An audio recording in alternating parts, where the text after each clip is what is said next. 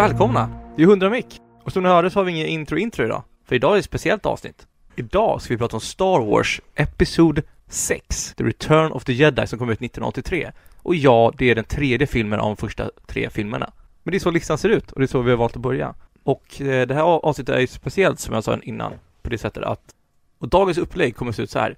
Nu när vi pratar om den första Star Wars-filmen på listan så kommer vi då börja prata om eh, de tre senaste Star Wars-filmerna, det vill säga Disney Wars. Var upplägget så att vi skulle gå igenom Episod 6 som fristående film eller att vi pratar kring den som film men vi pratar inte om själva originaltrilogin utan vi lägger större delen av fokuset på att prata de nya, den nya trilogin, alltså Episod 7, 8, 9. Förstod jag det rätt då? Exakt. Och sen när vi kommer till nästa Star Wars-film så tar vi då de tre prequels och när vi pratar om sista Star Wars, då kör vi allt. Det var väl så tanken var? Ja.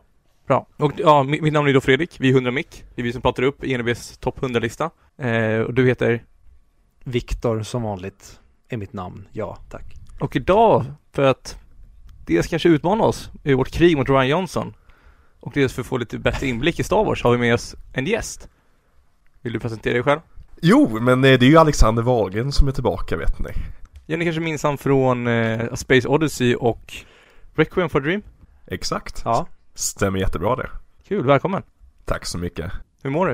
Eh, Jag mår strålande. Jag har precis varit iväg och hämtat nycklar till min nya lägenhet. Så det är, det är, det är jag är på riktigt gott humör kan jag säga. Kul! Och du då Viktor? Hur mår du? Jag mår jättebra. Jag ser nu i kameran här att jag har bränt mitt ansikte för jag har suttit på en klippa idag i solen men det har blåst som fan så jag har inte märkt att jag har fått otroligt mycket färg. Men jag ser att jag ser ut som en stopplykta. Så att eh, ja, min dag har varit bra. Bra! Hur mår Fredrik? Hur har din dag varit? Tack, tack så frågar båda två. Eh, det har varit eh, bra. Månaden som vanligt, jag vet. Men eh, det har varit en bra, stabil, en, en, eh, en stabil dag. Väldigt trött. Haft ont i huvudet hela dagen, men utöver det, väldigt stabil. Ingen corona? Eh, ingen corona. Eh, och ni kanske tänker, varför har den varit stabil? Jo, för idag ska vi prata Star Wars. Eh, och ja, då, antagligen kommer avsnittet bli längre än de vanliga avsnitten och antagligen så kanske folk kommer sakna våra Vem kan det vara? Men nu är det Star Wars. Jag tänker ju så här att vi kan sätta igång och börja prata om Disney Wars direkt. Ryan Johnson suger. Go! Men alltså, jag tänker, alltså all fokus kommer ju ligga på, eh, på åttan, känner jag, spontant. Åh, jag vill lägga fokus på nian. Ja men nian är ju bedrövlig i sig. Men sjuan är ju bedrövlig på riktigt. Sjuan, Sjuan? Försö- eller åt, åttan, förlåt. Åttan försökte ju faktiskt vara bra. Åttan- Nian så gav man ju bara upp. Ja, okej, ja. Eh, Jag tycker vi, vi, vi kör från början, fan vi diskuterar dem lite snabbt rakt igenom. Sen så kan vi fastna på åttan och, och bråka om Ryan Johnson. Men eh, Ja. exakt, jag tycker det låter bra. Ska vi köra vad, vad alla tyckte om, om dem i ordning? Ja, det låter jättebra och sen, ja, så ger vi, kan vi försöka avsluta det här segmentet med att vi kanske ger ett totalbetyg. Vad, vad tycker vi om, ja, Disney Wars som trilogi? Vi kan, väl- vi kan väl så att när vi pratar om filmerna i, eh, var för sig kan vi säga vad vi tyckte när vi såg dem. Och när vi pratar om det i slutet så kan vi säga vad vi tycker om allting nu, när allting är klart och vi vet hur paketet blev inslaget. Exakt. Sounds good. Ja, för det var bra. För jag kommer ihåg, efter jag hade sett sjuan så sa jag till mina vänner som jag såg i, den på bio med att mitt betyg till den här beror helt på hur nästa film kommer se ut. För det här är en film som är upp, alltså som bygger Mm. upp en film snarare än en bra film i sig. Exakt. Så den, säg att den, Mm. jag kommer inte ihåg exakt vad jag satte då, men säg att den låg på 6 av 10 då.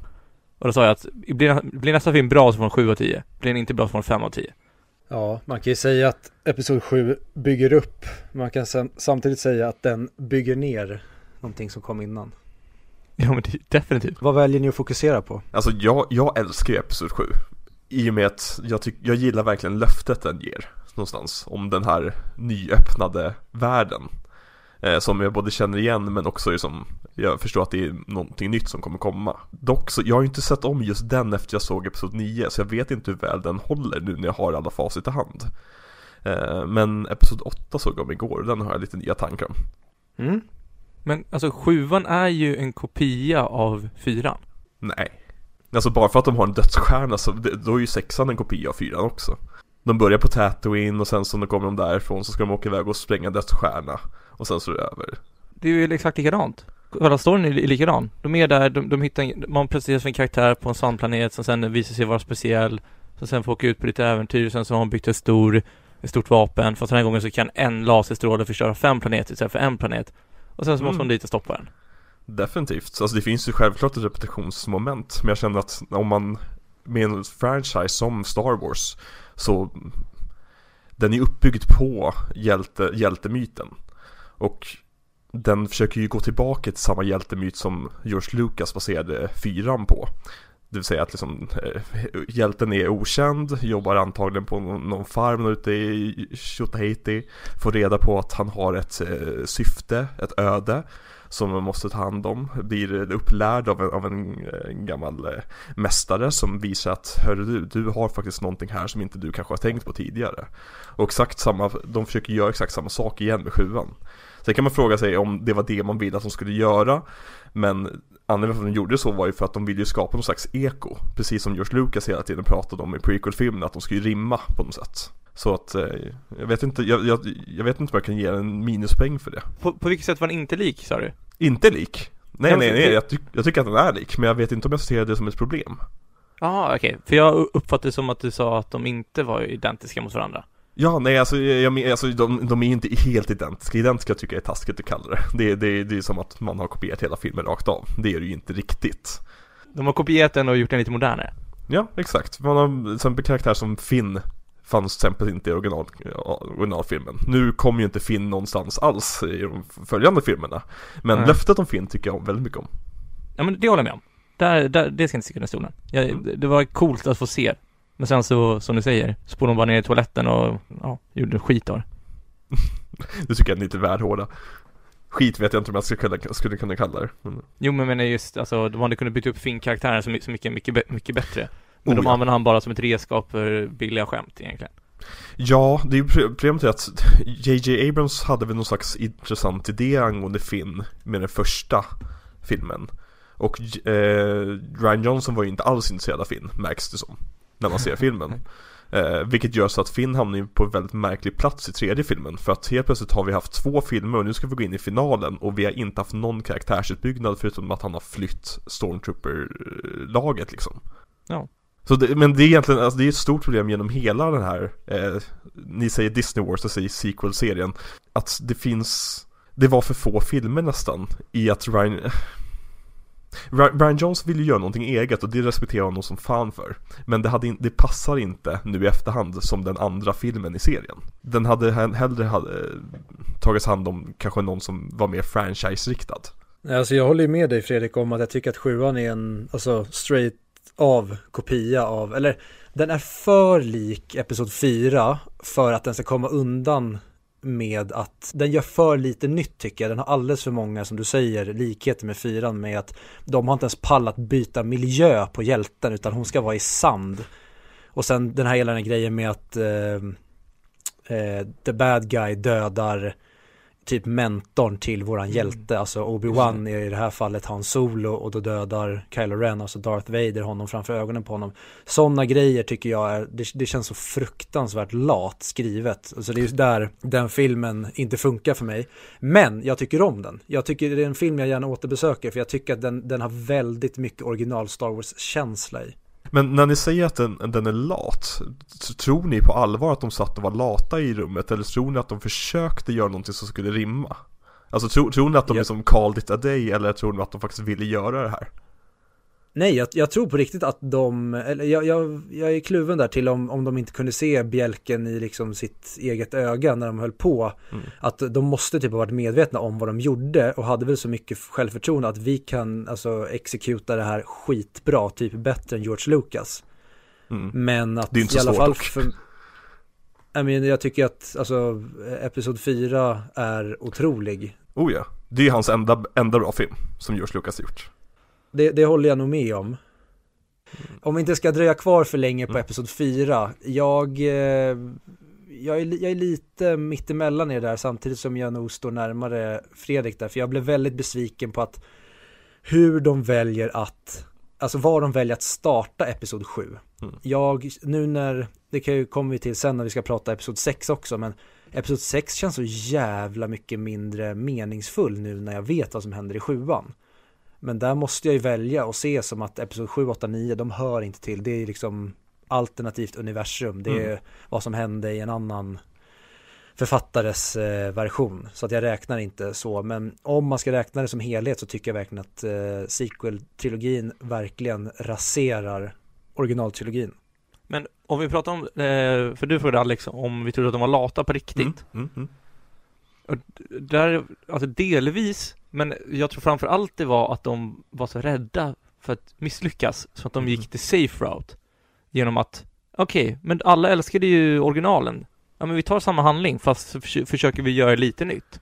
Och lägga till nya element. Och på det sättet var det ju, var det, det jag tror så vi menar med att de var lata. Att de inte vågade skriva en ny story, utan de tog en story som alla kände igen. Men sen gjorde den på en, en ny tolkning av den. Min- Min, bild av det hela är att den, det, Episod 7 är väldigt medveten om vad den gör. I och med att de var tvungna att avbryta produktionen och skriva om hela manuset i mitten på den När eh, Harrison Ford bröt benet.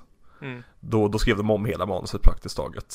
Eh, Och det jag, det jag ser lite grann som att eh, Jag säger att JJ Abrams han, han, han har upp, uppgiften att bjuda oss på en festmåltid som ska påminna oss om festmåltiderna i, i våra barndom Det är som vi kom hem till vår morsa igen efter att ha varit borta i 30 år Hon ska bjuda oss på mat från vår, vår barndom Och så lagar han exakt samma rätt som vi är uppväxta med. Och visst, man kan ju säga att, äh, att vi kanske borde ha fått någonting nytt, vi kanske borde ha fått någonting annorlunda, men Star Wars har ju ändå en väldigt tydlig mall. Star Wars är ju en viss sak. Sen så kan man ju anse att man kanske ska lämna den saken och bara leka vidare i världen Star Wars. Och det tycker jag till exempel att Mandalorian gör bra.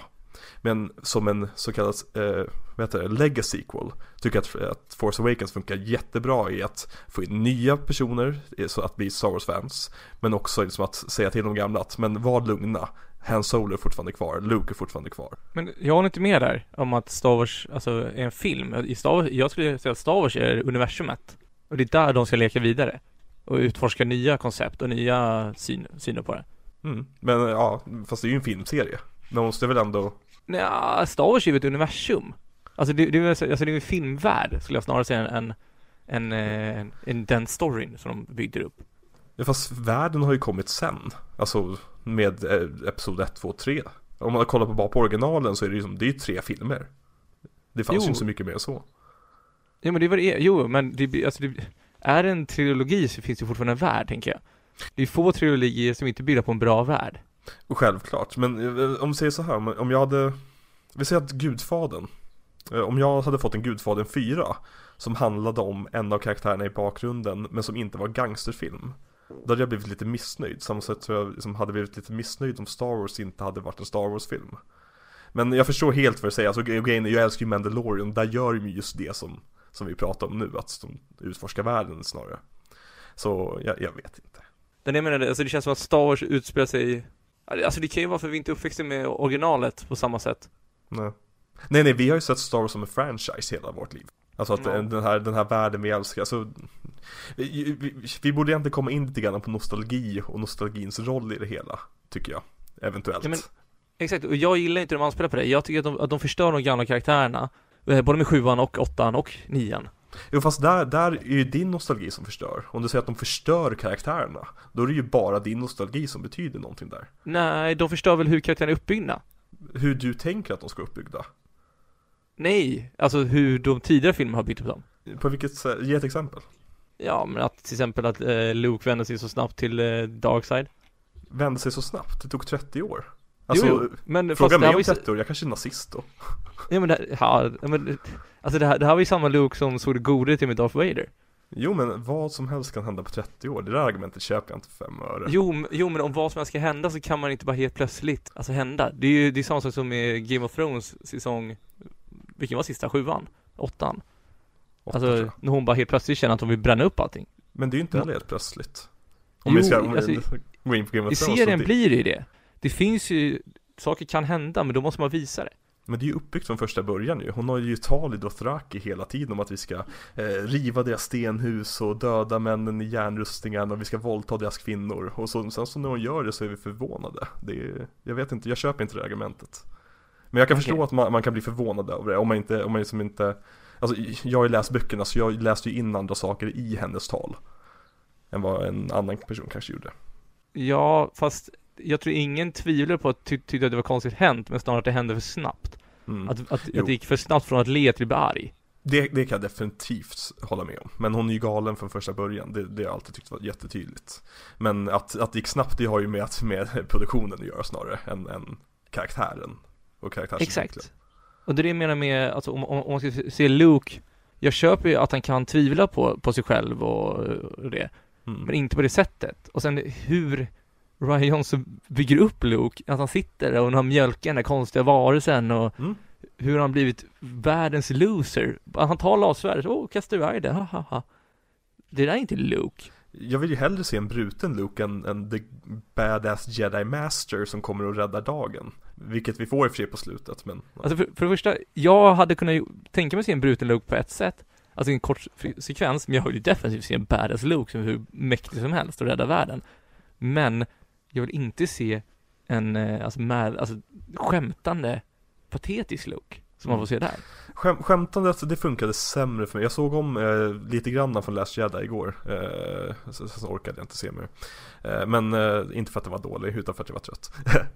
eh, nej men det som inte funkade för mig den här gången, det var Lukes skämtande. Det tycker jag definitivt att de kunde kläppt ner på. Men jag tycker, alltså hela filmen handlar ju om Lukes karaktärsutveckling från att vara bruten till att känna att jag måste komma tillbaka. Så jag tycker att Ryan Johnson snarare, han är väldigt omhändertagande om den karaktären. Han får ju upprättelse mot slutet. Ah. Får han verkligen det då? Ja, ja, han blir ju den vi vill att han ska vara. Hela, alltså det första som händer när vi träffar Luke i Last Jedi, det är det att han säger att det här kommer inte gå som du tror att det kommer gå. Vilket är egentligen inte en kommentar till Ray utan en kommentar till oss i publiken. Och sen så kommer ju, den går ju typ som vi tänkte att det skulle bli, fast med en liten twist. För att det är Ryan Johnson, för han ska alltid göra en twist på det. Samma sak med Knives Out. Så du tycker alltså att eh, både J. Abrams och Ryan Johnson behandlar både Han Solo och Luke Skywalker med rättvisa? Oh ja, definitivt. Mark Hamill håller inte med om det. Jo då, definitivt. Han gör det nu. När, han- när de började spela in filmen tyckte han ju inte det. Det ser man igenom hela den där dokumentären, The Director and the Jedi. Men, Men eh, när var han ändra sig? efteråt. Han har ju varit ute i intervjuer och sagt att jo men jag, jag stödde helhjärtat Ryan Johnsons Ja, eh, verkligen, för de har verkligen tagit en hel ändring. För det senaste jag har sett så var han verkligen emot. Fast jag tror att det finns väldigt många headlines som säger att eh, Mark Hamill hatade Ryan Johnsons eh, karaktärsutveckling. Men när man kollar på liksom, när man kollar på hur han pratar i intervjuer så han är ju med på tåget. Och sen så vet jag inte Alltså, alltså det är intervjuer som jag har hört när han säger att, alltså han inte håller med om det. Men som sagt, han kan se efter, han har sett den flera gånger. Ja men alltså jag, jag, jag tror att han, han är helt med på tåget. Alltså, och sen så, det är inte upp till en skådespelare att säga om en karaktär är rätt eller inte. Det är regissörens jobb. Jo, fast en skådespelare som är uppväxt och har skapat karaktären lite grann borde ha input om det här passar in på den karaktärens personlighet och personlighetsdrag. Fast jag vet inte, har Luke någonsin haft en personlighet? Ja, alltså jag tänkte på det senaste gången jag kollade igenom fyr- fyran, femman, sexan. Han, han, han gnäller sig genom fyran. I femman är han bara tveksam genom hela. Och i sexan är han en badass jedi utan personlighet. Det är som, det, jag vet inte, Luke har jag sen, senare åren bara börjat ta, tycka mindre och mindre om. Nu är han jag kollar på varje gång jag ser det istället. Varför tycker du inte om Luke längre? Nej men för jag tycker han, han är en sån otrolig stereotyp. Han, han, han är the hero's journey rakt igenom. Han, han börjar som en nobody och i, i, i andra filmen ska han lära sig och i tredje filmen så är han en full, fullfjädrad jedi. Jag gillar ju karaktärer med djup och med eh, som, som faktiskt vill saker och ting och inte bara jag vill vara det bästa eller jag vill rädda världen. Alltså visst, han, han längtar ju efter ett äventyr. Han är ju mer av en karaktär i första filmen än till exempel i eh, femman eller sexan. Men på, på vilket sätt är Hans Solo bättre då, tycker du? Han Solo är ju, har ju, är ju mångbottnad. Han börjar ju som en skurk praktiskt taget. Som skjuter en- person framför våra ögon i hans första scen. Sen så har ju George Lucas eh, sett till att han inte längre är på det sättet genom att klippa om den scenen lite grann. Men han, han börjar ju som en person som vi inte riktigt vet vad vi har honom. Sen så ska jag säga att han har ingen, all, ingen personutveckling alls från femman och framåt. Men Harrison Ford är lite bättre skådis än Mark Hamill så han blir charmig i alla fall. Så det, alltså vad saknar Luke Skywalker då? Alltså saknar han en, en, någon svaghet eller saknar han något annat djup? Eller, eller vad Ja. menar du? Alltså det är ju det som är lite problematiskt. Hjälten ska ju inte vara sån. Alltså det är hjälten på det sätt som George eh, Lucas skrev honom ska ju vara en stereotyp. Eh, på samma sätt som Obi-Wan är en stereotyp. Men Obi-Wan är lite mer intressantare karaktär eh, för att eh, han spelas av en intressantare skådespelare som ger honom djup. Medan Mark Hamill kom direkt ut från skådespelarhögskolan så att säga. Vad är det då han saknar? Eller, jag inte jag förstod. Nej men, eh, så, så, han saknar ingenting specifikt. Jag bara gillar inte hjältekaraktären. Den där stereotypkaraktären som Som alla, alla har. Det är därför han är tråkig då, för att han är för stereotypisk, han är för godhjärtad. Exakt, han, han, nej men han, han, är för Han är för mycket boy scout. Han gör exakt det man tror att han ska göra hela tiden. Han tar aldrig några oväntade beslut Förutom kanske mot slutet när han väljer att rädda sin far. Men utöver det så gör han ju bara som egen, helt enligt regelboken. Behövs inte sån karaktär då? då? Jo då, definitivt men, men det var, alltså jag tycker inte att han är en dålig karaktär. Jag tycker att han är inte en karaktär som jag blir bedrövad över att de förstörde. De pissade inte på min barndom för att Luke aldrig varit min barndom. Okej. Okay. Ja men, ja men då kanske därför du inte reagerar på att han först, alltså, bara byter, alltså att han inte drar nytta av en sån mäktig karaktär som Luke Skywalker hade kunnat varit i 6 och 7 Mm. Alltså, jag, det, sexan slutar med att bygga upp med världens scen. Där han ska få tillbaka sitt gamla lights, ja sjuan ja. Mm. Där han ska få tillbaka sitt gamla lights, lightsaber och sen ska han och tänker man såhär, nu längtar till åttan. Och sen kommer den där jävla åttan. Den scenen är ett stort problem för hela sequel-trilogin. För att i och med den scenen så måste nästa spel, äh, nej, film utspela sig eh, direkt efteråt. Vilket gör så att det finns ingen mening med att, med att eh, ha en eh, crawl till exempel inför åttan. För att vi vet exakt vad som hände. Åttan utspelar sig ju bara några dagar efter sjuan. Eh, och vi får ju se när Ray möter Luke på en gång. Jag hade hellre sett att det är som ett tidshopp mellan filmerna, som det, som det alltid har varit. Ja, men det kunde de ju ändå gjort. Om hon träffar Luke där, då hade man ju kunnat etablera alltså en tid efter och inte behöva vara med. För det är det jag tycker är problemet med sjuan, mm. att den, eller med åttan. Det är att den blir som en mellanakt mellan åttan ja. igen, alltså mellan sjuan och åttan egentligen. Jo, ja, definitivt, det håller jag med om. Nej men alltså, där har vi ju sagt problemet. Hade, hade de gjort den scenen längre, att de faktiskt möttes där, då hade vi kunnat hoppa vidare sen. Men nu valde JJ Abrams att avsluta på en cliffhanger praktiskt taget. Och hade vi inte fått se deras första möte, då hade ju folk gått ännu mer i taket än vad de gjorde nu. Det kan jag lova. Jo, men jag, tyck, jag tycker inte att, eh, alltså att det, hur de avslutar nu skapar det problemet. Jag tycker ändå man hade kunnat göra ett tidshopp. Fast jag, jag tror inte det. Folk hade blivit helt förbannade. Folk hade blivit tokiga och galna. Nu blev de det i alla fall. Men eh, jag tror att hade vi inte fått se eh, Luke Skywalkers första möte med Ray, då hade, då, nej. Jag tror nej, inte det hade gått. Hade man inte kunnat se mötet och sen hoppat i tiden? Och sen eh, kanske haft flashbacks tillbaka eller någonting liknande? Det hade ju också varit unikt för Star Wars. Jo ja, och det, det gör ju Last Skywalker är väl den första Star Wars-filmen som har flashbacks också. Så det, det, det finns ju ett predikat så att säga i filmen själv. Men, mm. Eh, och där, vi, vi ska kanske hoppa vidare snart och ja, men tydligare prata om film, film för film för att nu har vi lagt, jag vet inte, är vi fortfarande på sjuan men vi har kört en halvtimme snart. Eh, men det var det jag tänkte säga med just sjuan, min, alltså det som ni redan har nämnt förut är att det är så synd att de väljer att göra som du säger, det, de gör ju det är en jättebra jämförelse det här med att du kommer hem och käkar mammas mat igen. Mm. Det som du växte upp med och käkade. Men jag tycker inte, alltså jag tycker att de raserar det som har hänt innan på grund av vart alla befinner sig. Jag hade gärna sett att typ rymdimperiet var störtat och att kanske de filmerna handlar om att de kommer tillbaka och det blir en stor clash om att de ska försöka återta galaxen i typ Episod 9. De har så många öppna dörrar där jag tycker att de egentligen bara slänger i, stänger igen och tar, fe, inte fegvägen, men jag skulle säga den enkla vägen. De, de, tar ju väldigt, de använder sig väldigt mycket av shorthand, så att säga. Alltså eh, förkortningar kan man säga. Det är som First Order, vi får ingen förklaring till varför First Order finns. Vi ska bara acceptera att de finns. Vilket i sig, jag har inget problem med det när det är fristående film. Men jag minns när jag satt och såg sjuan, så att jag tänkte hela tiden, men vilka är det här? För att det finns just filmer innan att, att, att ta ifrån, så att mm. säga. Eh, och sådana så, genvägar tar de ju hela tiden med sjuan. Eh, det här med att, att de spränger republiken. Jo okej, okay, men vilka är republiken? Varför sprängs republiken? Jag trodde republiken var någon som styrde.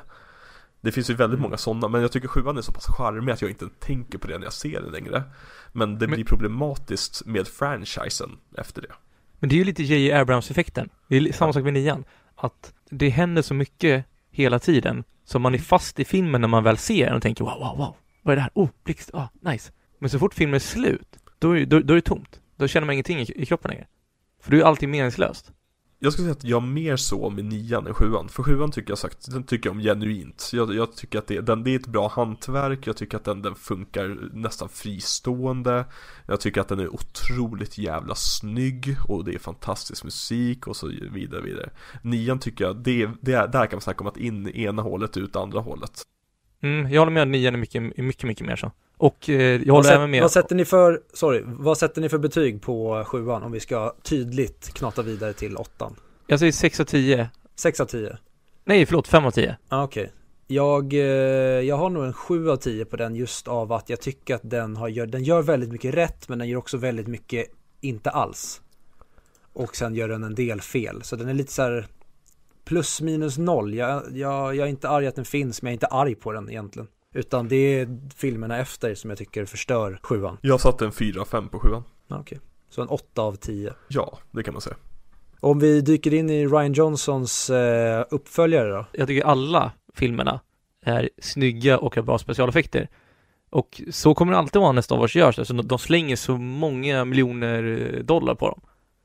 Så att de kommer ju, alltså de kommer ju vara snygga. Alltså, säg, nu är vi ändå på åttan, säg bara scenen när, när de slåss mot eh, de där röda, jag kommer inte ihåg vad de kallas. Praetorian Guards. Exakt. Sen, de hade, de hade behövt filma om den scenen för eh, alltså stansen är lite offbeat då och då i den. Men eh, väldigt snygg scen. Ja, alltså jag tycker ju Last Jedi kan vara den snyggaste Star Wars-filmen efter Empire. Empire har ett grynigt liksom, mm, som, som, som sticker ut. Men Last Jedi tycker jag, jag älskar Ryan Johnsons bildspråk. Ja, jag gör inte det. Jag tycker inte den är varken snygg, spännande, den gör inte, som vi pratade om tidigare, jag tycker den gör karaktärerna direkt orättvisa och jag tycker att filmen är i princip helt onödig. Men vänta, du tycker inte den är snygg alls? Alltså om Jo, du bortser alltså, från att du inte tycker Jag om tycker den. att Episod 7 är snyggare än Episod 8 by miles och jag tycker alla prequel-filmerna, eller inte prequel, jag säger originalfilmerna är snyggare än Episod 8. Prequel-filmerna, Nej, jag sa fel, alltså jag ändrade mig så att originalfilmerna. bra. Jag var, nära, jag var nära att klippa till min datorskärm Viktor. Jag tycker fan en vissa scener i prequels är jävligt snygga. Vissa scener ja, men de har ju, saknar ju helt visuellt språk. De är ju så pass eh, själdöda så att det inte finns. Jo, men det var ju det var de första specialeffekterna i filmerna. Men äh, åter till åttan, vi kan inte halka sidetrack här. Jag kommer inte ihåg vad jag sa i mitt Ryan Johnson avsnitt Viktor, hur vi kom in på det hela. Det, men det var väl någonting med att vi får känna oss precis som, eller karaktärerna, att vi får känna oss som karaktärerna va? Ja, du, du tyckte att Ryan Johnson gör så otroligt mycket fel med den här, att vi ska vara lika uppgivna och frustrerade som karaktärerna är i filmen. I femman. du säger att han är som ett met, metageni. Exakt. Jag vill ju nästan ge honom den poängen. För att, om, det, det upptäckte jag den här gången att jag gillade inte Poe när jag såg filmen nu. Men det är meningen att jag inte ska tycka om Poe. För det är meningen att vi ska tänka att Poe är ett jävla rövhål. Men på grund av, av hur vi brukar se filmer så tänker vi att aha, Poe ska komma in och vara hjälte nu. Men vänta, varför blir han utskälld av generalen? Men det där är lite argumentet som många har dragit om att, eh, att, att den är unpredictable. Det är därför den är Fast- bra. Ja, men det är inte unpredictable, jag bara menar att det, vi, vi han, han vill ju att vi ska tycka illa om Poe. Han vill ju att vi ska tänka på vem karaktären är. Men varför Alltså- ska vi tycka illa om Poe när man har byggt upp honom på det sättet man har byggt upp honom på? Det är en väldigt mycket, alltså det, det, den frågan kan vi ställa sig. Jag, jag vet inte om jag håller med om den, men eh, det är definitivt en rimlig fråga. Jag, jag tycker att Ryan, jag är jättetaggad på Ryan Johnsons egna Star Wars-filmer. När han inte behöver hålla sig till en trilogi där någon har gjort en film innan och någon kommer göra en film efter. För att Mm. han, han, han visar att han kan vrida och vända på koncept väldigt mycket, på koncept som vi är väl, väl bekanta med. Men han kan göra det rätt intressant. Som det här till exempel när han avslöjar att ja men både rebellerna och imperiet köper vapen för samma ställe. Det är ett rätt intressant koncept. Men det kläms in i en, i en, liksom en sequel till en blockbuster som ska få en uppföljare, som ska sätta upp en saga, som ska avsluta en hel trilogi av trilogier. Jo men det, det, fun- alltså det funkar ju inte på det sättet att om du ska börja ta upp sådana där frågor i den här världen, Exakt. då kommer den här världen rasa ganska snabbt. För att börjar du poka i de här hålen som finns rent mytologiskt, då är inte Star Wars supervattentätt och det, det är farligt att göra. Jag tycker när han gör det, att det är så här, va, låt det här vara. Hade du inget mer intressant du ville berätta? Men, men varför måste Star Wars vara så heligt för? Jag tänker, är det inte dags för oss att po- poka hå- hål på det? Nej, det, det, är, det är snarare bättre att, att komma med, med en ny värld i så fall. Ja, definitivt. Alltså jag tycker inte, nu i efterhand så, de borde ju aldrig ha gjort några mer Star Wars-filmer efter trean. Men det, det håller jag inte heller med om. Jag tycker att de, att de får jättegärna göra fler saker, men som Victor säger, de får inte plocka hål. De, de får inte helt plötsligt presentera bränsle. Mm. Ja, nu har skeppen bränsle plötsligt. Ja. Men det är ju introducerat George Lucas med hyperdriven, så att säga. Det är ju en, det är en del av samma koncept skulle jag säga. Ja, Alltså det är väl inte riktigt samma sak. Nu är det helt plötsligt bränsle och att de här skeppen kan inte åka ikapp de skeppen och Ja, nej men definitivt. Alltså, alltså jag, hade inte, jag hade varit okej med det som sagt i en fristående Star Wars-film. Men nu känner jag verkligen att det, det, det sabbar lite grann momentumet i sagan. Mm, håller med. Det är just det att jag, jag hade nog tyckt mer om Episod 8 om den hade varit inte så Alltså att han inte är så lekfull och egentligen det känns som att han är oansvarig med någonting som väldigt många håller väldigt kärt. Och det är som, vi, som du sa, att det, det är inte läge här att leka med det konceptet. Gå in och gör ett gediget jobb och ställ dig liksom i, i kön. Eh, sen kanske folk tycker att det är jättebra att han bröt någon slags, något mönster och gjorde som han gjorde, men för mig funkar det inte alls. Och jag känner att det finns många saker där till exempel som eh, de här, ja men hela egentligen, eh, vad heter det, heter Can't of Bite, kasinodelen. Det- Hela den delen är, det, det, det är inget Star Wars för mig för fem öre. Det är mer typ Liftarens guide till galaxen. Alltså det är så här, det, det är helt off. Vi etablerar en värld som är så här, är en stil och det känns mer prequel, vad heter det, Gungan City-stil och det blir helt off för mig när vi etablerat väl, vi försöker vara väldigt lik i Episod 7, för att eh, typ leva vidare på känslan från originaltrilogin. Nej men jag håller med, Cantabite-sekvensen, alltså det, den finns ju bara för att de var tvungna att skriva någonting som, som Finn skulle göra. Och han var så otroligt ointresserad av att skriva något för Finn. Och då kanske han inte borde skrivit det. Nej, då kanske Finn borde varit med eh, Poe hela filmen. Ja, Poe och Finn, det, de introducerar Rose för en jävla anledning. Åh, fy fan. Där, där håller jag ju med om alla. Jag, jag, jag ogillar ju Rose-karaktären så jävla mycket. Ja, den är så fruktansvärt platt och onödig och forcerad och ja, nej. Det... Yeah. Men däremot, jag, jag såg om den nu inför Episod 9, såg jag om Episod 7 och 8 och då hade jag mycket mindre problem med Episod 8, även fast jag inte tycker om den alls egentligen. Det är ingen film som jag säger, ja den är jag sugen på att se, det har jag aldrig känt, utan jag såg det mer för att nu ska jag preppa och värma upp med de andra två filmerna inför. Men jag gillar vart Luke landar i filmen. Mm. Men man har redan sabbat så mycket just med den här humoristiska delen och av egentligen att han blir det han har blivit, det här med gröna mjölken och allt det där. Det, det, det, det, det förstör för mycket för att det ska redeemas av slutet känner jag. Även fast jag gillar, jag tycker Luke är ascool och badass när han eh, duckar Kylo Ren i slutet. Alltså jag är ju så svårt för de här heliga lektionerna, men jag förstår att det kan definitivt Och de här att, varför, det här med bara med att de här Pokémon, de, dels de som de rider på på Canto Bite, Finn och Ray, eller Ray, är Rose. Men även de här slags Pokémon, Vulpix, eh, Jolteon liknande grejerna i grottan på saltplaneten. De är för off och det är samma sak med de här små eh, ankpingvin-grejerna i episod, eh, ja det är åttan också va? Det är för mycket, det, det blir ewokerna på schack och det tror jag, trodde vi alla var överens om, eller det kan vi prata om sen, men ewokerna var lite off. Och de här känns ännu mer off i Star Wars, Ja. för mig. Porgs, det finns ju faktiskt en anledning till varför de är med. Det är ju för att på den där ön som de var på och filma så finns det en massa pingviner.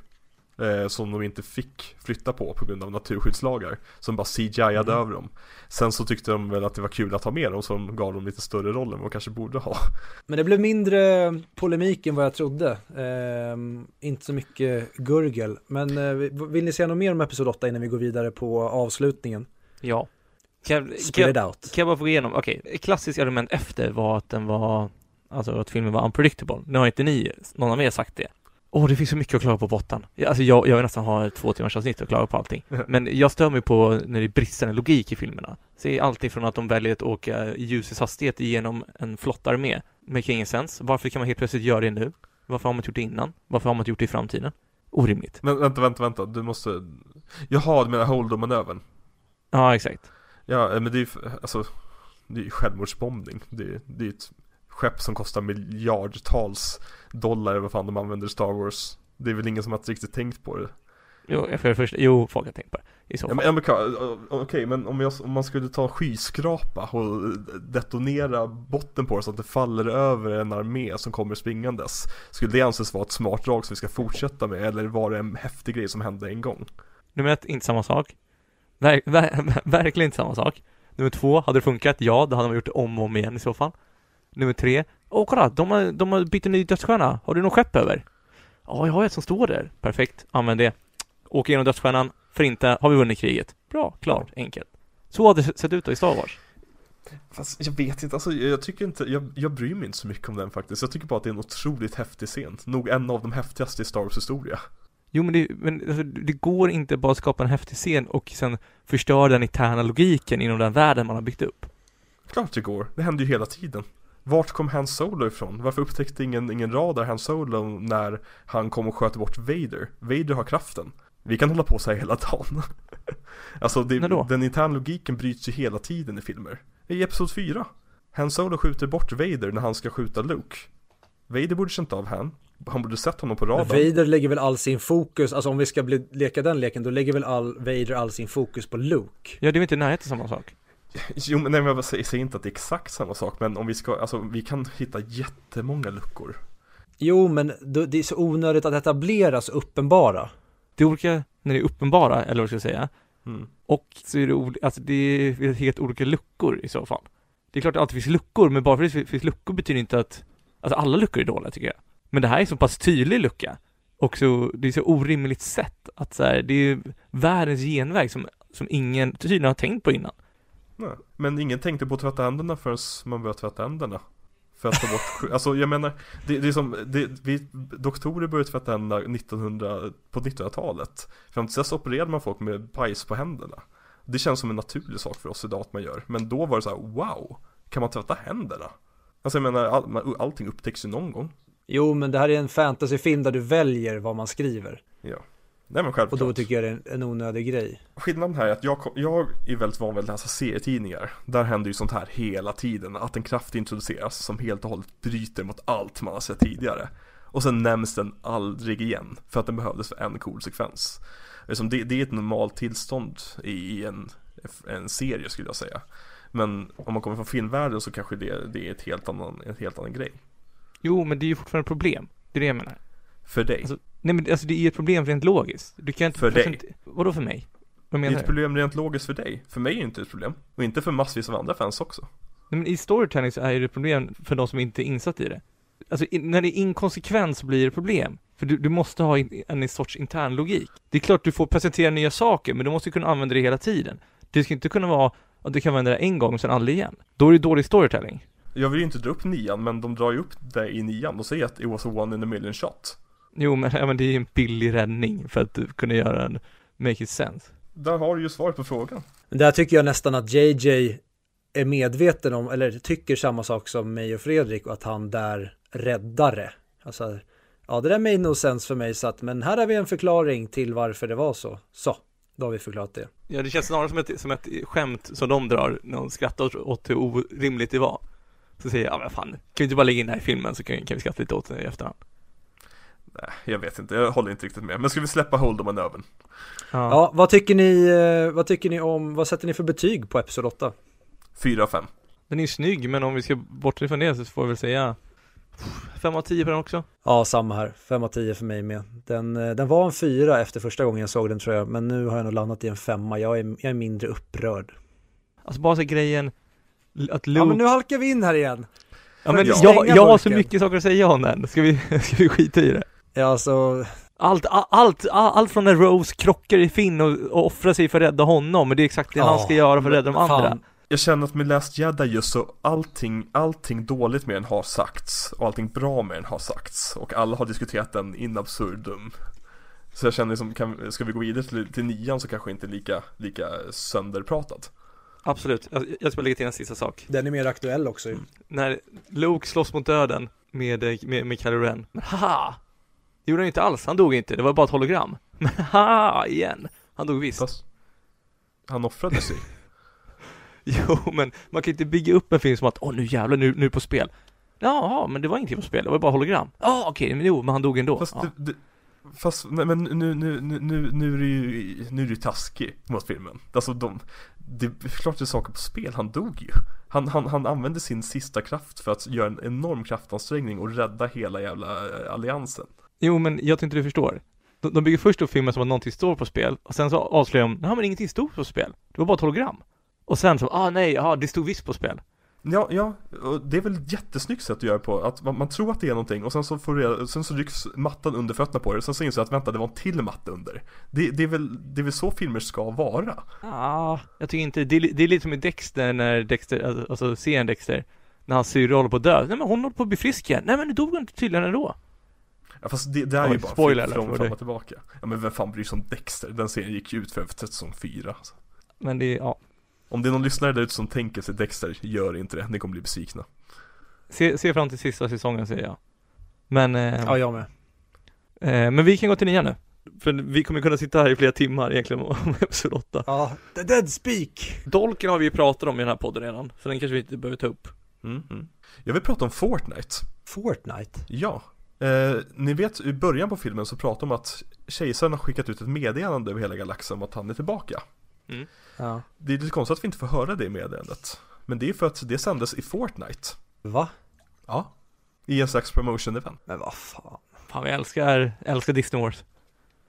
Och det är här, det är här jag börjar tappa, tappa modet. jag förstår det.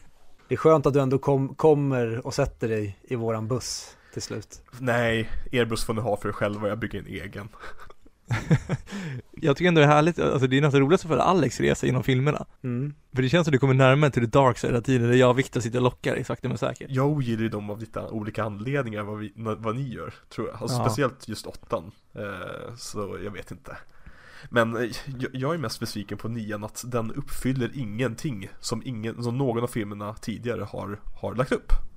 Det är som att de ångrade sig halvvägs in i, i, i när de skrev Episod 9. Men det är som, det tycker jag att hela alltså, Disney-trilogin är. Det är som den här leken där man ber någon rita en, eh, en persons huvud och ner till axlarna, sen viker man pappret, så ska nästa person ta vid och måla kroppen och sen sista personen ska måla benen. Så känns hela Disney-trilogin, att de har ingen aning om vart de är på väg. Jag förstår inte hur en så stor studio med så otroligt mycket pengar och allt det här i bagaget, speciellt när man har prequel-trilogin i minne vad som kan hända. Att man inte gör en supertydlig, eh, så här, hit ska vi, okej, sen får vi lägga ut pusslet hur vi hamnar där. Det var ju det som George Lucas gjorde med prequel-trilogin. Eh, alltså, det, alltså Kathleen Kennedy, alltså jag vet inte, nu i efterhand så är det inget, inget bra drag. Men på förhand låter väl det som precis det man vill ha egentligen, att varje regissör får komma in och göra sin grej. Det är ju det folk har klagat jättemycket på på DC till exempel, att de har för mycket oversight. Att regissörerna får inte göra någonting själva.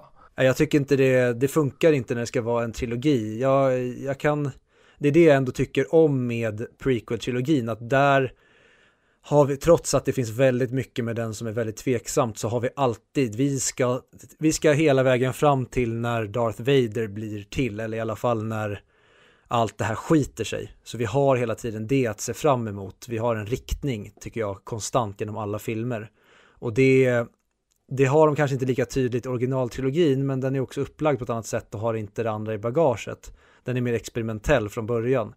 Och, men jag tycker att när Disney Wars har allt det här i skallen, då borde man i alla fall ha en riktning. Sen, ja men låt dem leka, men ha tydligt skelett. Ja, jag håller med 100%. Det är det som nu i efterhand, det är inte, alltså, egentligen inte Ryan Johnson man ska vara arg på. Det är ju, vad heter hon? Kathleen Kennedy. Exakt, det är tydligen, vad jag fattar som, det är hon som har förstört det. Jag tycker, jag tycker det är en översimplifiering. Jo, ja, men det är klart det. Men, men alltså det som Victor sa, det håller jag med om. Alltså bygg en plan och, alltså så länge man vet, alltså hur alla karaktärer ska utvecklas och vad man ska komma fram till. Och sen får man slänga in Mm. Då kan Ryan Johnson få tänka så här, oh det här var cool scen. Hmm, hur kan jag få in den här så det passar in i den här Mm. stora plotlinen? Mm. Och sen, Oh, ja. kanske ha sina vapenhandlare, jag vet inte, jag tycker inte det är så jätterolig idé eh, i Star Wars-världen. Men kanske ha någon sån scen, åh oh, den här scenen var cool. Och sen så kan man gå där. Men så länge alltså, karaktärerna byggs på och det som har byggts upp innan svaras på i nästa film. Definitivt. Nej men alltså jag, alltså jag håller ju med er om att de borde ha gjort så med facit i hand. Men jag vill inte riktigt lägga skulden på dem för att de inte gjorde så i förhand. För att det finns en tanke bakom det som jag tycker är rätt god. Att liksom låta regissörer få, få fria tyglar till att liksom göra någonting unikt. Men då är det också upplagt för disaster. Självklart, det är, men å andra sidan det, det kan ju bli disaster på andra sidan också. Eh, som sagt, ta DC-universumet. Där var det alldeles för hårt kontrollerat och nu har det liksom imploderat. Liksom, Justice League-filmen som skulle kunna ha blivit den absolut största filmen i världshistorien med rätt folk bakom och med rätt marknadsföring. Drog in ungefär lika mycket som första Iron Man-filmen. Jo men där har du inte, alltså det tycker inte jag är samma för att där har du så otroligt mycket det är lite löst, det finns otroligt många versioner av comic books och det har gjorts eh, prequels och sequels och Batman och alla i olika versioner. Här är ändå så här, du ska följa upp på vad som hände efter vi störtade imperiet i sexan. Okej, vi ska göra tre nya filmer. Vart börjar vi? Och vart är meningen att vi ska sluta? Det, det skelettet borde så här, det lilla borde ni i alla fall kunna ha med er och sen kan ni leka där ut, alltså därefter. Jag tycker inte att de borde gjort en trilogi överlag. Jag tycker att de borde gjort en film och sen skulle de gjort en uppföljare till den filmen och sen skulle de gjort en uppföljare till den filmen och sen skulle de gjort en uppföljare till den filmen. Så vi, alltså om, om det funkar. Nu låste de sig in sig i trilogispåret på en gång, vilket gjorde så att när tvåan inte riktigt gjorde någonting för storyn, då är vi helt plötsligt i slutet. Ja men alltså det är som trean, så som trean börjar hade det kunnat vara två filmer. Alltså när man får se, alltså, Skulle vi kunna ha tre filmer? ja men när han får se dem invadera planeter, leta upp efter en kompass och försöka leta Mm. efter kejsaren. Alltså det hade kunnat varit de två första filmerna. Mm, nej men jag håller med. Men jag vill bara liksom, det, det, mitt argument här var egentligen inte, inte att de gjorde fel eller rätt, utan bara, jag kan förstå till 100% varför de gjorde som de gjorde. Jag kan, jag kan verkligen sätta mig i Kathy Candys skor när hon bestämmer att, jo men vi låter regissörerna ha fritt spelutrymme. Jag kan eh, helt och hållet förstå. Ja, ja, hon drog väl in degen så att det kan hon inte ställas till svars för. Men hon, Nej. Men det, det är ju det som är fett också, alltså de, de vill ju tjäna pengar på alla leksaker så, och sånt förstör ju också filmerna. Ja men det har ju George Lucas velat göra från första början också. Alltså alla filmer från femman och framåt är gjorda för att sälja leksaker. Inte någon alls konstnärlig kreativitet. förstår inte vad du menar. Det finns väl knappt några karaktärer alls i Jabbas palats. Ja men precis, exakt. Vem finansierade Episod 1? Vet ni det? Nej. Nej. leksaksföretag Hela budgeten, förutom det som George Lucas tog i egen ficka då Kan det vara att man, att man är mer medveten om det då? För jag tycker det känns mycket, mycket mer nu i de nya. Det är för att du är äldre du, Nu vet ju du hur, nu är du cynisk Ja, mycket mer möjligt. ja. Men eller så kanske de bara slutar bry sig på samma sätt. Jag, tror, jag tycker nästan att de har gjort det mer subtilt än förr i tiden Alltså Ewoxen är ju Det är så glasklart det kan bli att det är Okej, här har vi med för att det ska tilltala barn och ställa leksaker Jag tycker de var balla, okej? Men finns det så mycket att säga om nian egentligen? Den, ja, vad så, det, det är så här, för mig är det en axelryckning som, det, som du sa förut Fredrik om det här med att, ja, där och då gick allt så jävla snabbt och du bara kastade, filmen bara kastar grejer i ansiktet på dig.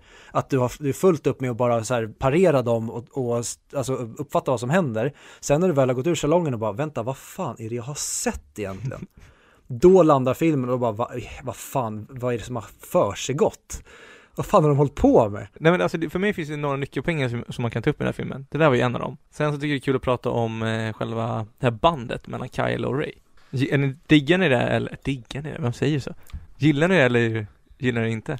Konceptet gillar jag jättemycket Alltså Ja. att det finns, att det, alltså en koppling mellan en väldigt stark mörk person och en väldigt stark ljus person, alltså i kraften Men jag tycker utförandet är bedrövligt jag, För jag förstår det inte Jag förstår inte varför eller hur eller när eller vad Utan Ja men det, det märkliga där är ju att dels så säger eh, Darth Sidious att, alltså Palpatine Ja ah, det var jag som förde ihop er. Och sen säger han så här, oh ett band! Så jag fattar Ja, inte. jag vet. Vilket är det? Det känns som han ändrar sig hela tiden. Han Ja. improviserar sig igenom hela filmen. Vilket i och för sig är Låter som något Palpatine skulle kunna göra Men fortfarande. Och det ologiska är, tycker jag, när, hon börjar teleportera saker mellan varandra. Fast det, det tycker jag är väldigt häftigt. Det gillar jag Det, det, Ja. det, där är vi liksom på, på fantasy-nivå igen. Och det är fantasy. där- Där har vi redan, där för mig där, där är allt redan ute ur fönstret. Där är så här, ni kan ta in vad som helst just nu. Mm. Eller, alltså som Susanne Reuter säger i Yrrol när Johan Ulveson tar tillbaka sitt uttalande om att massvapenbestycka alla JAS-plan.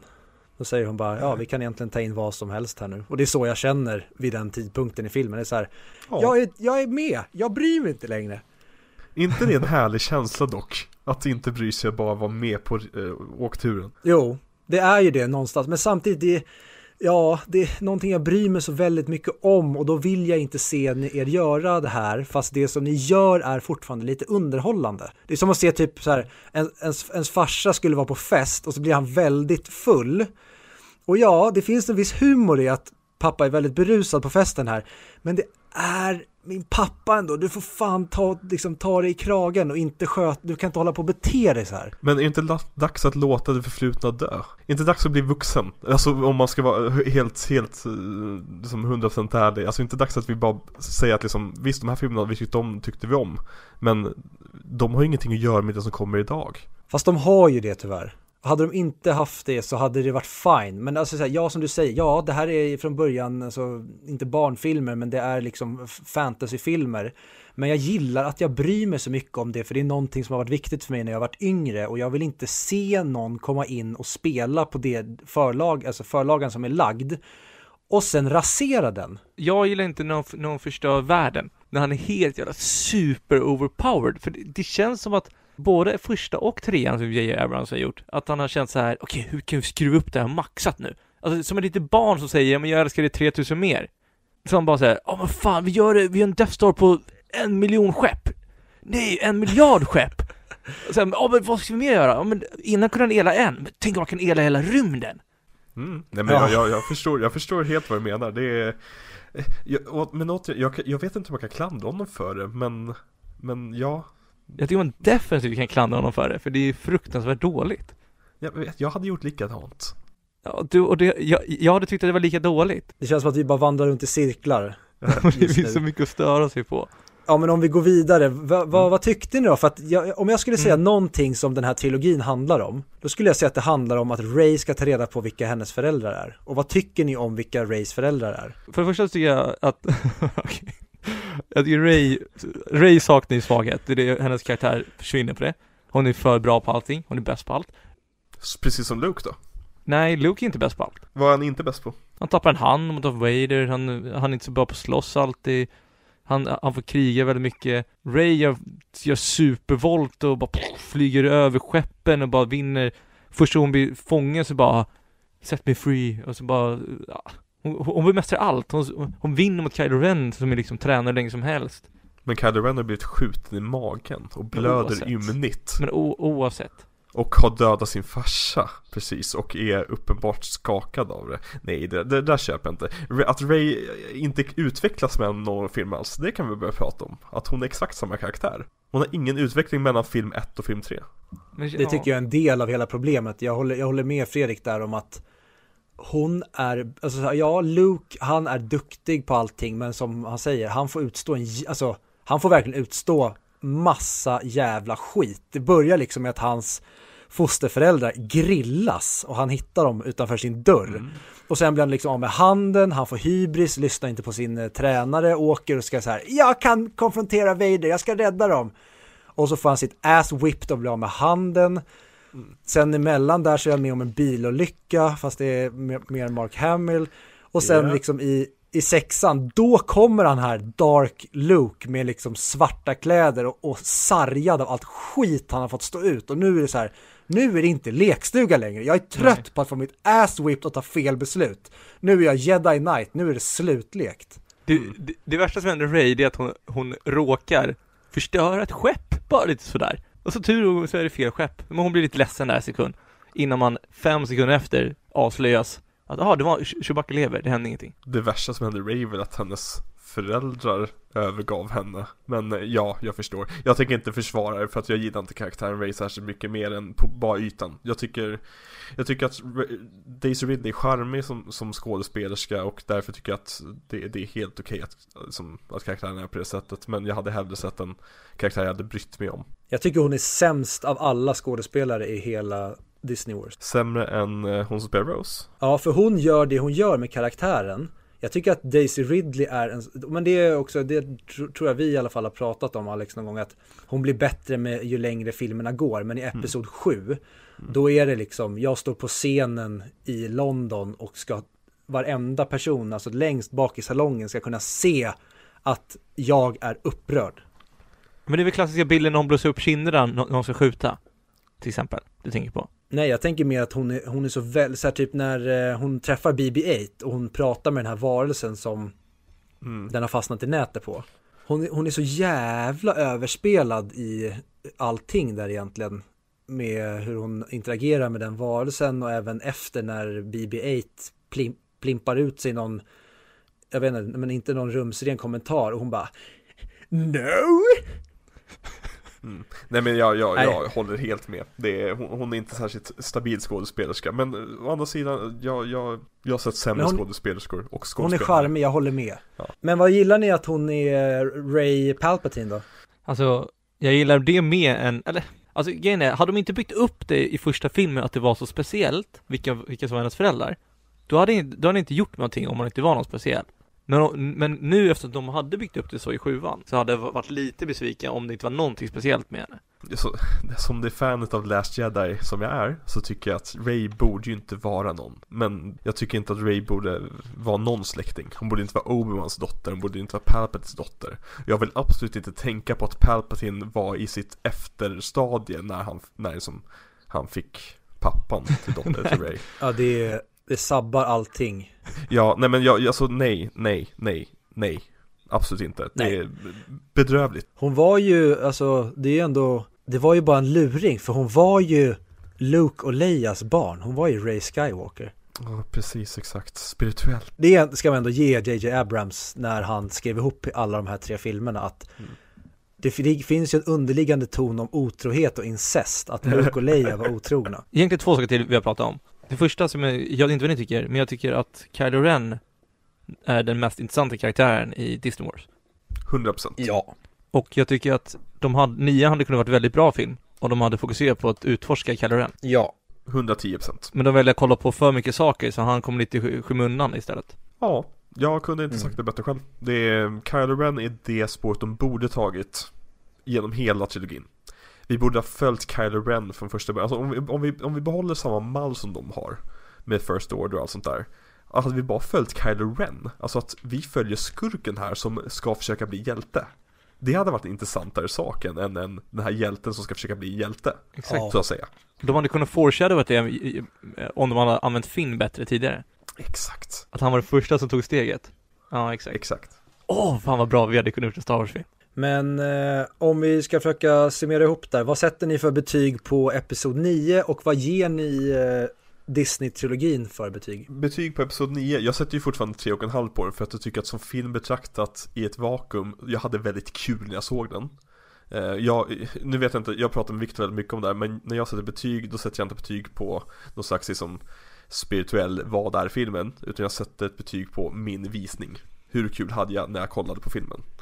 Eh, och ja, det, det, det var fullt ös medelslös. Så tre, tre och en halv. För att det, det är en väldigt stabil sci-fi film. Av fem då antar jag? Ja, precis, exakt. Mm. tre och en halv, jättestabil. Och vad sätter ut totalt? Eller vill ha någon slutord om alla, om hela Disney Wars? Jag vill inte sätta ett betyg på hela, hela, hela trilogin Men om jag måste så sätter jag fan en 3 av 5 Vilket är ologiskt för det är under betyget på alla filmer Men som helhet är det sämre än delarna i sig Ja det är motsatt cheerleader-effekt. Ja, jo men det är verkligen alltså 1 plus 1 plus 1 blev 2 helt plötsligt. Jag har sett det i alla fall. Om du var klar där, förlåt. Mm, kör hårt. För det jag tänkte på, skillnaden mellan den här och prequels är att den, de här Disney Wars, de, man vet inte vart de ska. Prequels vet man vart de ska.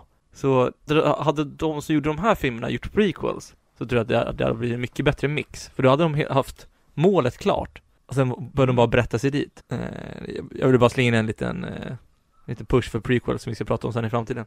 Men eh, jag, den här får 4 av 10 av mig. Och mitt resonemang för Disney Wars är att första tycker jag är en kopia. Andra tycker jag är en, eh, ett försök att vara kreativ som misslyckas helt genom plot holes och onödig handling. Och tredje är en förhastad, barnslig och överdriven fan-made film. Mm. Och vad gör du för totalbetyg då?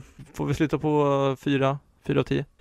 Ja, och jag sätter jag var inne på Alex spår efter jag hade sett eh, Rise of Skywalker första gången. Jag, jag hade skitkul och sen började jag tänka på den och sen såg jag om den och då hade jag allting i huvudet redan så jag, då satt jag mer och analyserade den och då funkade ingenting alls. Så då landade den, landade den på typ två och en halv. Men jag tror jag, jag sätter ändå Nej men det är en total två och en halv av 5, alltså 5 av 10 på hela Disney-trilogin.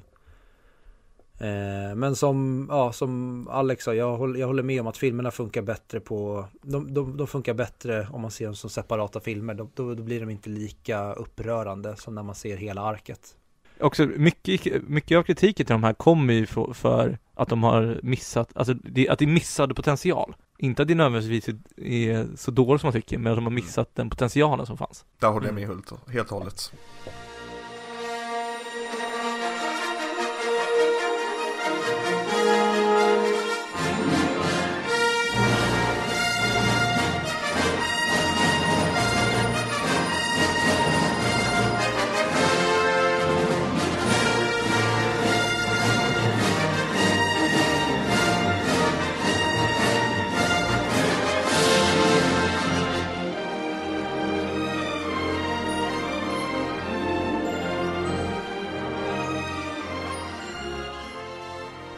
Då så mina herrar, då var det dags att prata om eh, veckans film. Star Wars Episod 6, Return of the Jedi. Som kom ut 1983 och är då alltså tredje filmen av originaltrilogin. Eh, Trilogin. Eh, och den är ju då alltså, ja, den är baserad på George Lucas första film, som han också regisserade, men han har inte gjort den här filmen, utan det är, det är Richard Marquand. Richard Marquand. Ja, tack. Ja. Ehm, och jag tänker, alltså, vi, vi, vi kan hoppa över de här klassiska som vi brukar köra med presentera filmen, regissören har ju sagt, förväntningar och allt det där. Innan vi går in på filmen, har vi något roligt att berätta om den? Har vi något roligt trivia? Kan du berätta, jag vill veta vad filmen handlar om. Det vill jag med. Kan inte du berätta vad den handlar om? Ah, Den handlar väl om ett krig mellan de onda och de goda, och sen är det en massa lasersvärd som flyger fram och tillbaka. Eh, sen är det en stor typ orm-dagmask. Va? Sen är det en stor orm, typ maskaktig som kallas för Pizza Hut eller någonting sånt där. Mm. Eh, vad händer sen? Och sen ska de åka ner i typ någon orm. Mycket ormar och maskar nu. Ja, verkligen. Okej, men vadå, vadå, ska jag gå igenom seriöst eller ska vi gå vidare? Alltså jag trodde den handlade om en eh, vuxen mans eh, förtvivlade jakt på att eh, få tillbaka sin pappa från eh, missbruk. Mm. Jag trodde att den handlade om en vuxen mans förtvivliga, för, förtvivlade jakt att få krama så mycket pengar ur en franchise som möjligt. Jag kommer gå vidare i alla fall. Eh, men eh, kort sagt, har ni alla sett den för nu inför det här? Ja, Eh, men Alex, du är ju väldigt påläst om mycket behind the scenes generellt. Mhm. Har du något roligt att berätta om det här? Ja, självklart. Alltså, tänk dig fakta typ som till exempel att det tog sex personer att eh, styra själva animationerna för Jabba the Hutt. Mhm. Eh, men ba- bara en sån sak som att Harrison Ford var ju väldigt taggad på att dö som karaktären eh, Han Solo då. Han ville ju, han försökte ju övertala George, eh, George Lucas att döda honom i nästan varje film han var med i. Eh, för han var ju lite trött på att spela Han Solo. Men å andra sidan Mm. så han, när han väl dödade honom så stoppar ju inte honom från att komma tillbaka i alla fall, så jag vet inte. jag vet inte om jag älskar hans solo något enormt för det eller om jag tycker att han är helt dum i huvudet. Du menar Harrison Ford? Ja, förlåt, jag menar Harrison Ford, att det hur kan du vara trött på att spela hans solo? Hur mycket hybris har du fått? Men jag tror inte har med hybris göra. Jag tror bara att han, han ville sitta och röka gräs och ha sex med snygga tjejer istället. Ja, och där, då skulle du inte gett dig in i leken från början. Om de vill ha dig i en trilogi där du ska avsluta ditt mission som den här karaktären, då ställer du upp. Sluta gnäll och ställ krav eller be om saker. Men när han tog rollen var det ingen trilogi. Nej. Och sen blev han en jättestor stjärna på grund av det. Men eh, också att, eh, visst är det i den här filmen när eh, C3PO får hans öga typ uttryckt av en råtta, är inte det också Jabbas palats? Mhm. Jo. Alltså då får ju han, eh, vad heter han, Anthony Daniels, Mm. han får ju, han får tydligen en panikattack då egentligen. Så han säger inte sina lines, så man fått dubba dem i efterhand. Han egentligen säger 'Get me up, get me up' Men det, det blev tydligen en bra scen ändå, så de tog med sig det. Mhm. Det är ju så de bästa scenerna kommer. När det är helt improviserat eller när någonting händer bara av farten.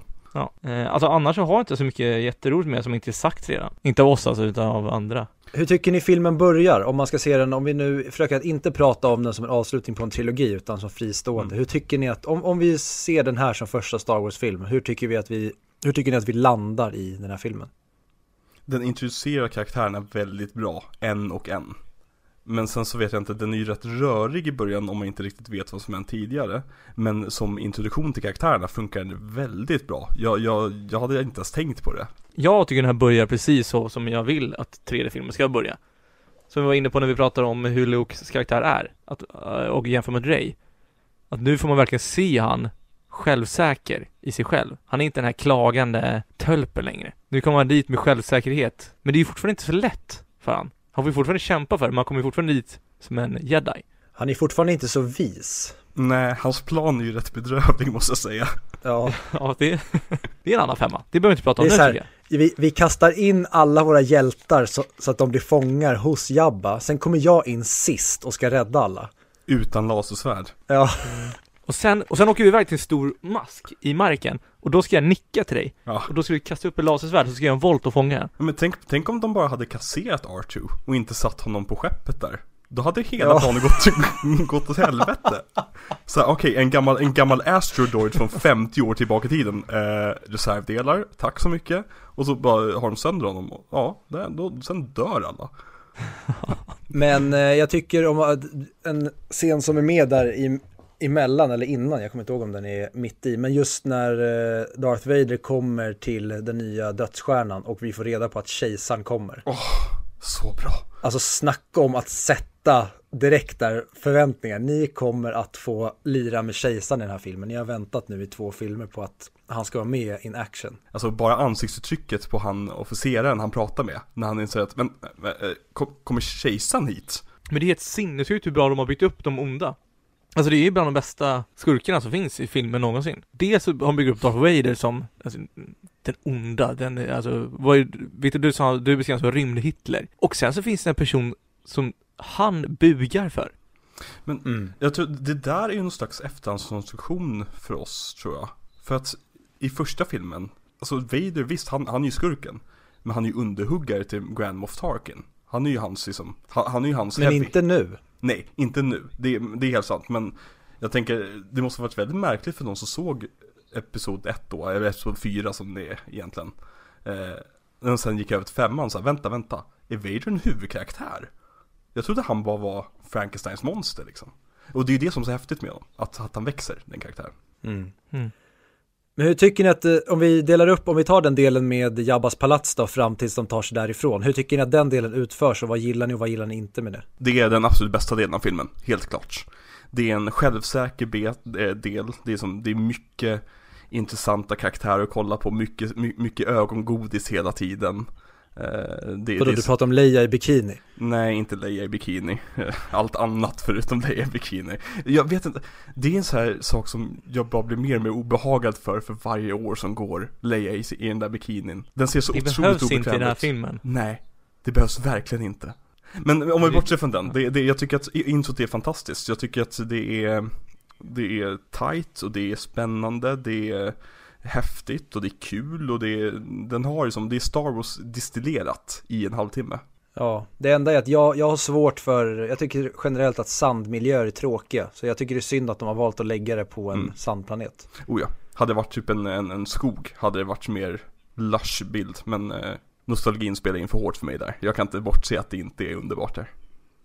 Ja, och jag vill, ja just det här med att eh, hur de väljer att jedi-riddarna är klädda i prequel-trilogins, hur Mhm. deras uniformer ser ut. Varför kunde de inte ta det, inspirationen från hur Luke är klädd i den här filmen? Mhm. Fy fan i helvete vad cool han är i sin svarta dräkt. Mm. Men de, de gav ju Anakin någonting liknande i trean, tänker jag. Men har inte han brunt och svart typ? Jo, jo, exakt. Det är ju, det är ju en variation Jo men han har fortfarande jedi, Mm. alltså han har samma stuk som Obi-Wan bara att de har annat material och den kanske sitter lite mer slimmat. Exakt. Luke har ju mer, alltså det nästan, ser nästan ut som en, eh, de här gråklädda imperie Mm. officerarnas kläder fast de har gjort det till mer likt en typ, eh, inte kostym men det blir verkligen en mer tight eh, suit. Mm. Mm.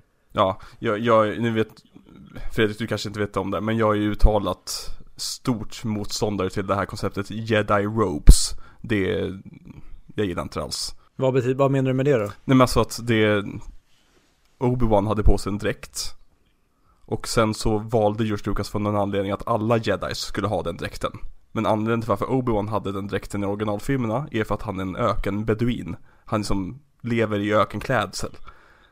Men varför ska jedis ha ökenklädsel på sig? Jag, jag, jag tycker inte om det alls. Är inte det lite munkinspirerat då? Nej, jag tror att George Lucas helt enkelt inte tänkte efter på varför han, han, gav Han tyckte att det var coolt. Ja, men när han, jag tror han ville ha lite, lite för mer, eh, alltså att det skulle kännas igen. Att det är som, det här är de kläderna vi ser visa jedis i tidigare och då sätter vi dem i det på en, på en gång. Munkkläder, då kan man göra mycket mer munkigt. Men jag tänker han, han i Rogue One, han som är munk. Mm. Har inte han också lite sån klädsel?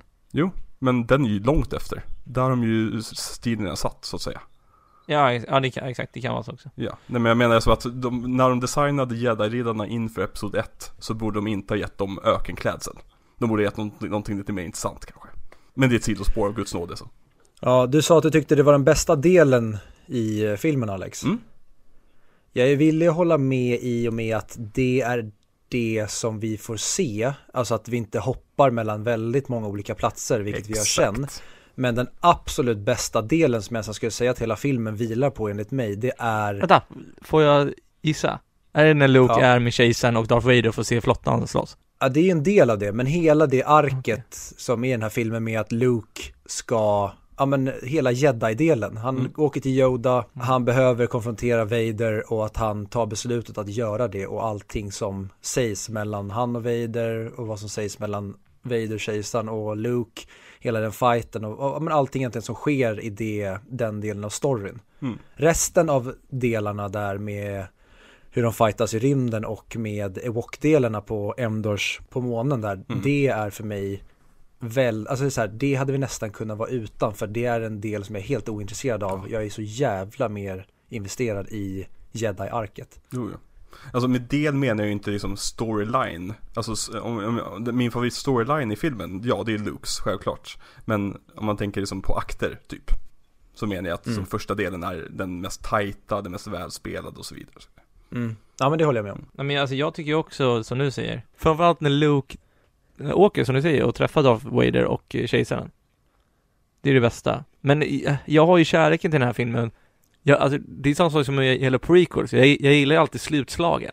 När de slåss. Jag gillar dem ju på änder och glider runt där och slåss. Men, men, det, men man får ju också djupet när de klipper tillbaka till Luke och han står där med kejsaren. Mm. Ja det är egentligen hela tiden, så fort de hoppar bort från den delen är det så här, okej, eh, när får vi komma tillbaka dit? För det är egentligen det som jag är mest intresserad av. Precis. Och jag, eh, jag gillar att, eh, ja men hur kejsaren använder allt det här som en del av sin stora plott när han sen ska över, eller vända Luke till the dark side. Det här med att, ja han har sin, han har lagt upp en plan för att de ska gå i de här fällorna så att hans, vad säger man, hans, hur mycket han bryr sig för sina vänner blir hans stora fall. Ja. Mm. Undrar om, undrar om det hade haft samma effekt utan de andra scenerna som det känns på som att du tycker är sämre. Att de andra scenerna behövs för att göra den scenen så bra.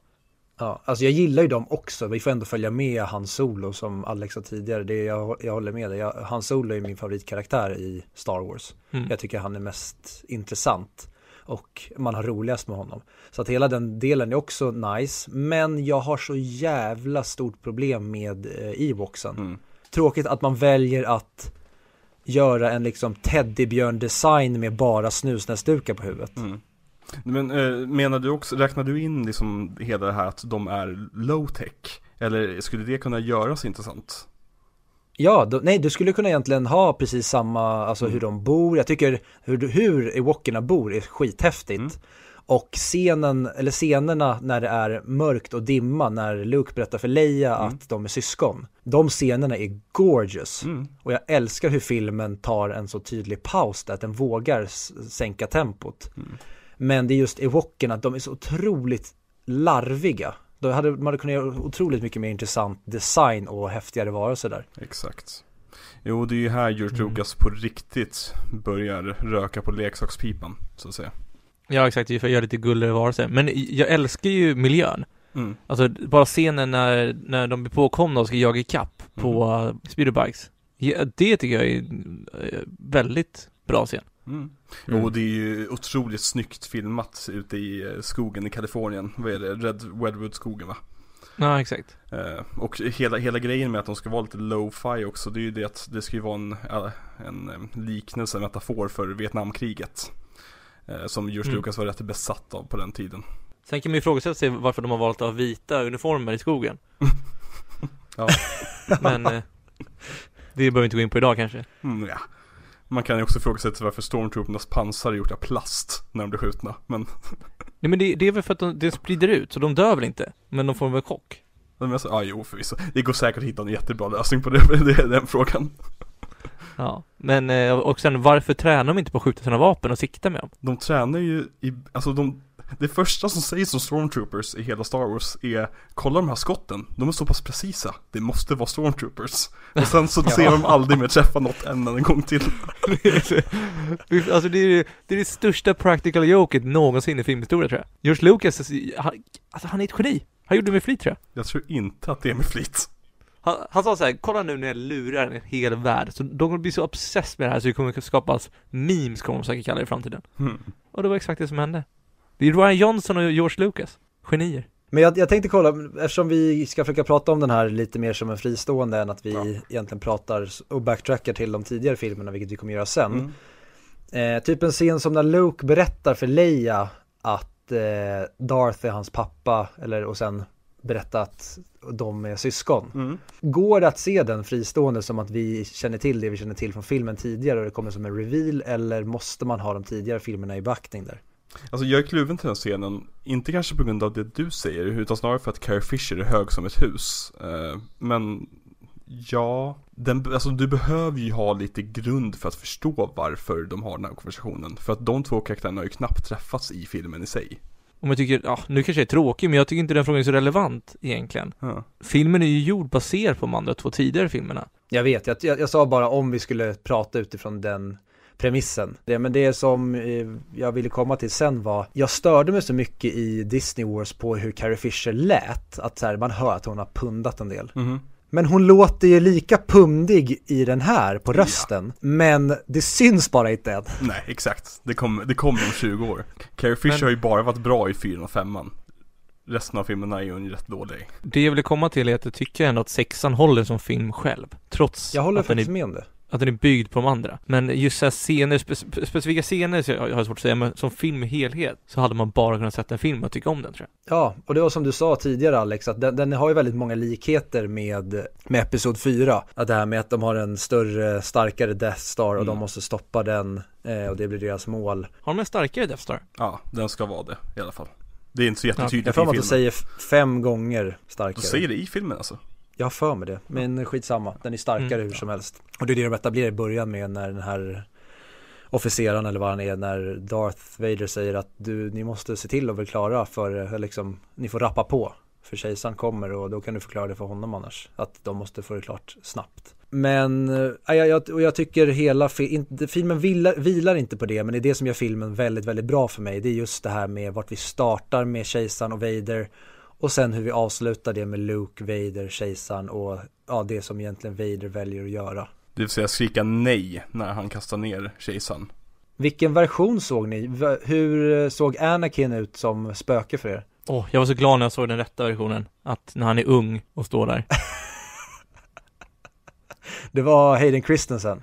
Då, ja, då värmdes i hjärtat, för då vet jag att det är han från the prequels. Det är han från tvåan och trean. Det är han som jag har lärt mig älska. Om du tar den scenen som, som bara baserat på den här filmen, då är det mer så här, vem, vem är det där? Ja. Nej, alltså jag känner så här. Eh, det finns ett ställe i Star Wars-sagan där jag vill ha en Hayden Christensen eh, cameo. Och det är fan i slutet på nian. Inte i slutet på den här filmen. Och det fick jag inte, men jag får det här. Så jag vet inte, jag är inte nöjd någonstans. Nej, jag, jag, jag, ser, jag ser alltid eh, original. Jag råkar ha en full version av, av eh, teater, eller bioutgåvan. Nice. Mhm. Nej, Men när vi ändå är inne på, på, på utgåvorna. Eh, Den där jävla låten de har lagt till. I, i Jabbas palats. Jedi Rocks. När, när de har här för bedrövligt animerade CGI-karaktären som hoppar runt och sjunger och skriker in i kameran.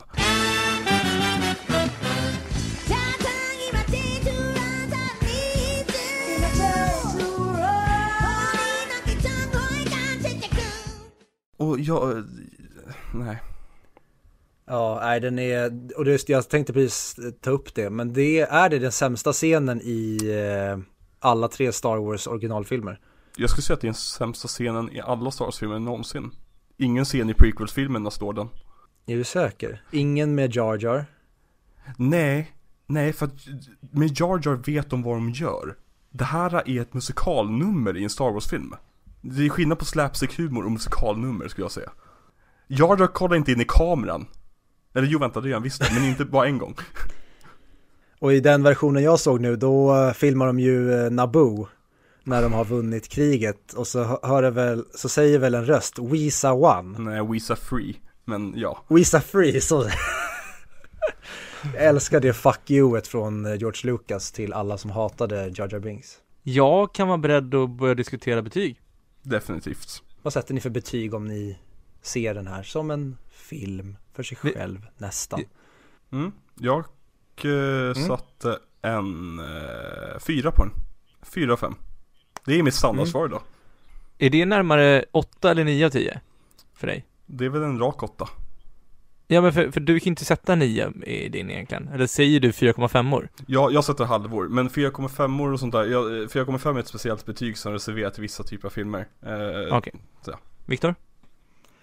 Eh, jag sätter nog ta fan också en 4 av 5. Delarna med eh, Luke och Vader är väldigt mycket starkare än vad jag minns dem. Jag minns inte att jag blev så här berörd och att det är så otroligt snyggt utfört.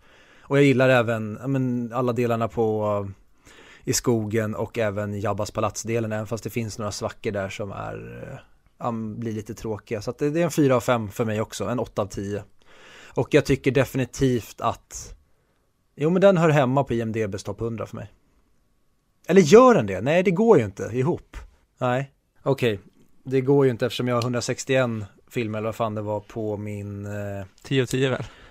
Som är 10 av 10 eller 9 av 10 så att eh, nej den halkar automatiskt ut. Men jag tycker den hör hemma på IMDBs topp 250 i alla fall. Mm. Jag kan tycka att den hör hemma där som någon slags kulturellt statement. Snarare än, än filmen sig. Det är väl mer att den är avslutningen på den här trilogin som gör att den hör hemma där tror jag. Mm. Och kan vi bara diskutera lite snabbt hur, hur konstigt avslut på en trilogi det här är? Alltså hur, hur, hur tvärt den slutar. Om man jämför med hur dagens filmer slutar när det bara är en film. Jag tycker ändå man, jag, jag tänkte på det att jag hade kunnat vara utan hela delen med när de eh, möts igen och kramar om varandra och har festen. Även fast den var väldigt fin. Jag trodde inte jag, jag minns inte tidigare att jag blev så berörd av den. För musiken kanske gör väldigt mycket av nostalgin där på hela festen i, i Ewokernas eh, hem. Men jag tyckte jättemycket om det att alla samlas på slutet och lever i frid. Jo. Men jag tänker liksom, hade den här filmen kommit idag, då hade det varit fem minuter till efter det här. Men när, när man får se liksom Luke kanske lägga grundstenen till Jedi-skolan och så, alltså det, Ja, det finns ju, alltså det, jag menar att som, som slutet på den största franchisen i filmhistorien när den kom, så är det ju väldigt tvärt. Det är bara som, Mm. det, det, det, alltså det bara hoppar rakt in på eftertexter, känns som. ja, nej, jag håller med. Och Fredrik, vad sätter du för betyg? Jag sätter en svag 9 av 10. Oh! Det var högt. I och för sig, det är ju rätt nära mitt. Det är inte så mycket högre men det är Nej, så precis. Nej men jag, är jag, svag. jag är van vid att du alltid eh, Ja det, var, det var Jag har inte sagt låga betyg, det ja. mitt prediction-mönster Jag trodde du skulle sätta mycket lägre Om jag fick välja så hade det valt 8,5, det är därför jag ger en svag 9. Men jag, jag tycker att den är jävligt bra, den här filmen. Jag tycker att de bristerna den har inte tar bort tillräckligt med poäng för att knuffa bort den från topp 100. Och så ni vet, jag bedömer ju på filmerna, alltså hur jag underhåller när jag ser den och hur jag kan tänka tillbaka på den. Så ja, en svag 9 av 10. Mm. Och vart, mick, ja men den får väl vara runt eh, 90 mick då kanske. Ungefär där den ligger. Kanske det är lite lägre. Vilken placering ligger den på? Eh, nummer 80 när vi startade podden. Okej. Precis som också i dagens avsnittsnummer, avsnitt 80. Mm. Exakt. För er som glömmer bort när ni trycker på det här avsnittet och lyssnar. Ja. Det här är ändå vårt 21 avsnitt, vi har ändå hållit på ett tag nu. Ja, målet är väl att ha det, är att ha det hundrade avsnittet i Globen va? Ja, det är ju det du har sagt, så vi ska ju lösa det. Det kommer vara så jävla dyrt Ja. när ingen köper biljetter. Ja, vi, vi löser det. Men eh, nästa vecka, Vilken film är det då Viktor? ja men då ska vi tillbaka till Indien. Tillbaka till Bollywood. Ja, två timmar 45 minuter långt. Eh, men det här var en komedi som du sa förra veckan, men vi ska se Three Idiots. Men åh, synd att inte jag är med nästa vecka. Jag älskar ju indisk film. Jag brukar ju se det hela tiden. Jaha, okej.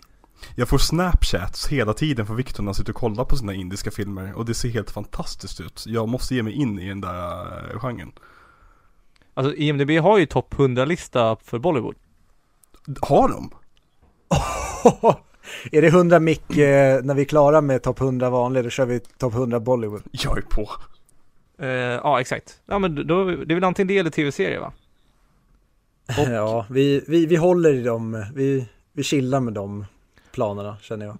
Ty, tyvärr, alltså, vi, vi, har ju, vi, vi går inte ut med några planer i alla fall. Men eh, tyvärr kan man inte se den här någonstans, varken streama eller hyra enligt Playpilot som jag brukar gå in på kolla. Hoppas de börjar Ja. sponsra oss nu på grund av det. Vänta, vilken film Mm. pratar vi om?